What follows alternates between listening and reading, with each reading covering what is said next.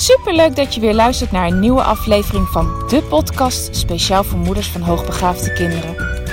Mijn naam is Eveline Noordzij en in deze podcast deel ik tips en inspiratie, zodat jij meer en meer in jezelf gaat geloven en durft te vertrouwen op je intuïtie. Want jij bent precies de moeder die jouw kind nodig heeft. Hoe ga je om met uitdagende situaties? Wat heeft jouw kind van jou nodig? En hoe zorg je voor verandering in je gezinssituatie door jouw eigen persoonlijke groei? Ik heb er veel zin in om dit allemaal met jou te delen. Dus laten we voor vandaag maar gaan beginnen.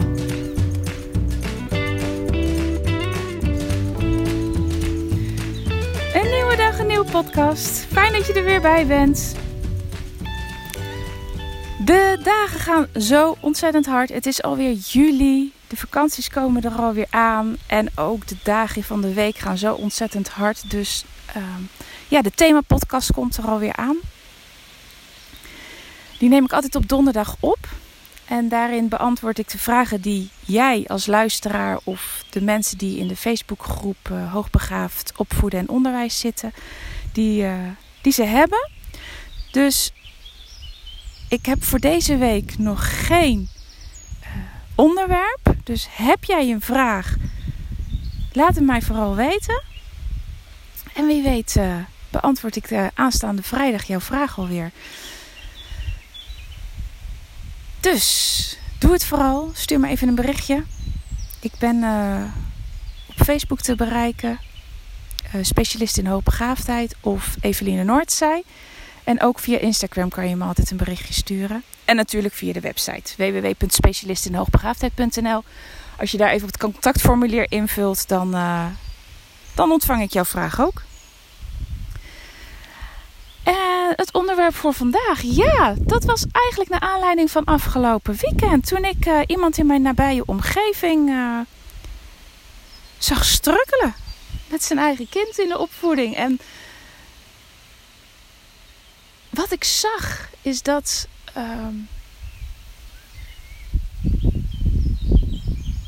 het kind signalen uit aan het zenden was die niet opgepikt werden.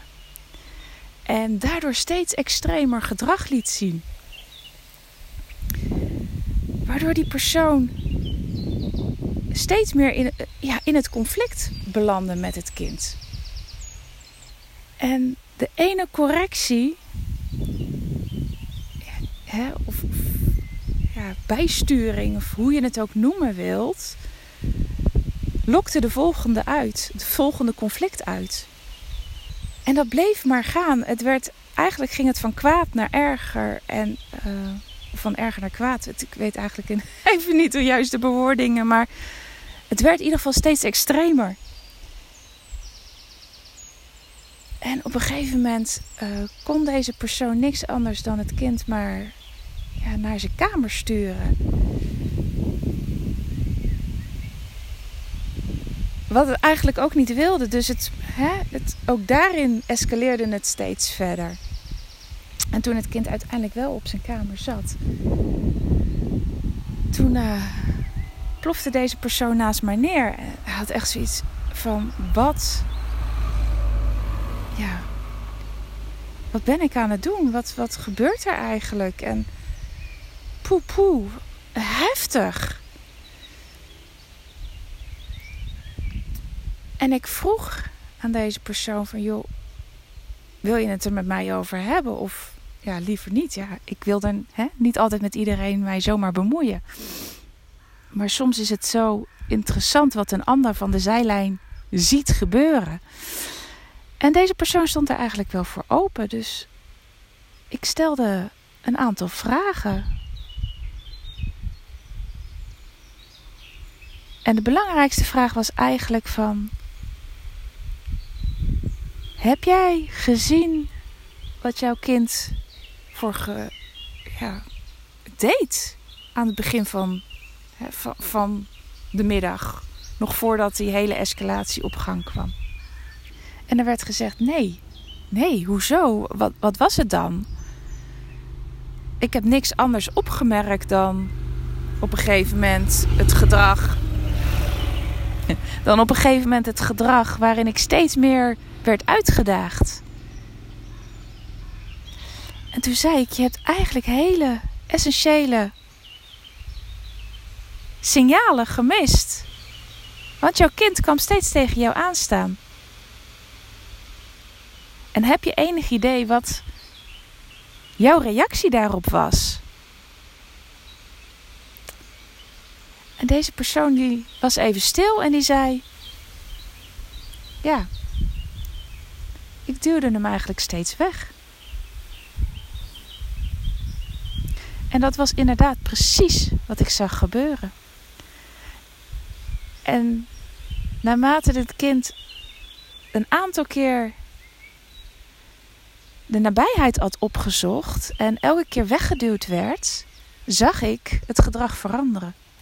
En we hadden het er een tijdje over hoe belangrijk het dus is om die signalen op te pakken op het moment dat je dus eigenlijk niet met je omgeving bezig bent. Want dat was ook de conclusie tijdens het gesprek van ik was zo met mezelf bezig en met de dingen die nog moesten en die ik nog wilde. En was ik niet bezig met wat, ja, met mijn omgeving. Ik had daar geen oog voor. Ik zag het niet. Ik stond eigenlijk niet zodanig open dat ik goed aan het observeren was. En daardoor miste ik hele belangrijke signalen. En toen vroeg ik ook: wat op het moment dat je dat signaal wel had opgepikt, wat had je dan gedaan? Of wat had je dan kunnen doen om deze escalatie te kunnen voorkomen? Ik kreeg het antwoord van ja, dan had ik hem even bij me moeten pakken. Hij had blijkbaar behoefte aan een kroel of aandacht. In ieder geval mijn nabijheid. En als ik dat had gedaan, dan was de kans op escalatie misschien niet zo groot geweest.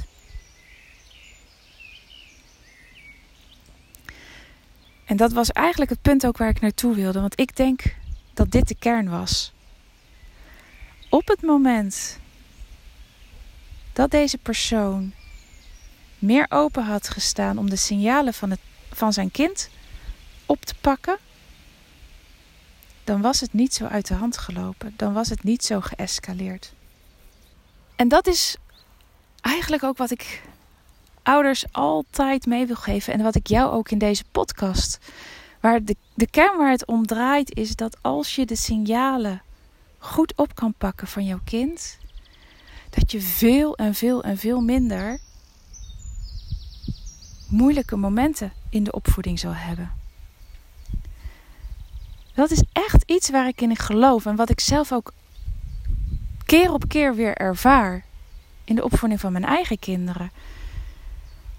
Op het moment dat ik niet voldoende open sta en waardoor ik de signalen niet voldoende kan oppikken, zullen zij heftiger gedrag moeten gaan vertonen om mij wakker te schudden.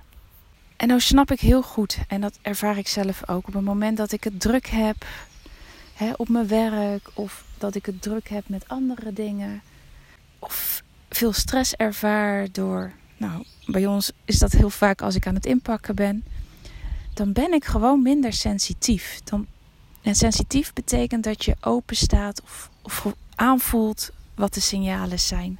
Dat je het kind aan kan voelen dan ben ik gewoon minder sensitief. Dan sta ik er minder voor open. Maar ik weet wel dat als ik steeds meer ga mopperen en als ik steeds meer in die escalatie kom, dat dat een signaal is dat ik die eerste uh, momenten waarop mijn kind met mij geprobeerd heeft te communiceren met het gedrag gemist heb. Wat maakt dat ik ook sneller weer de omschakeling kan maken in mijn gedachten van hé, hey, maar dit gedrag, ik kan het nu vreselijk gaan laten escaleren. Hè, door om mijn strepen te staan en het bepaalde gedragingen niet te, kunnen, niet te willen accepteren. Maar ik kan het ook omdraaien. Ik kan ook gewoon even gaan kijken of zelfs navragen. Zeker als je oude kinderen hebt, dan kan dat heel makkelijk in die communicatie. Navragen van hé, hey, maar wat wil je nu eigenlijk van mij? En dat is wat ik hoop dat ik je vandaag mee kan geven. Dat je zelf de tools in handen hebt om het gedrag van je kind om te keren. Ben alert op de signalen die je kind uitzendt. En ervaar je dat je het gedrag extremer wordt, dan heb je dus die signalen gemist. En dat is helemaal niet erg. Op dat moment kan je nog steeds besluiten om alsnog ernaar te gaan luisteren. En hiermee hoop ik echt je iets in handen te kunnen geven, waardoor je uit die strijd kan blijven met je kind. Of als je er al in zit, waardoor je er weer uit die strijd kan komen. En er niet uren, dagen, weken in kan blijven hangen.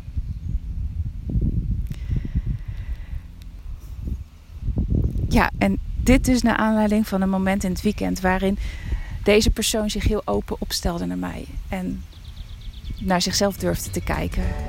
En dat is uh, mega knap. Ik hoop dat ook jij, door jou dit te vertellen, de ervaring die ik met deze persoon had, er ook iets aan hebt.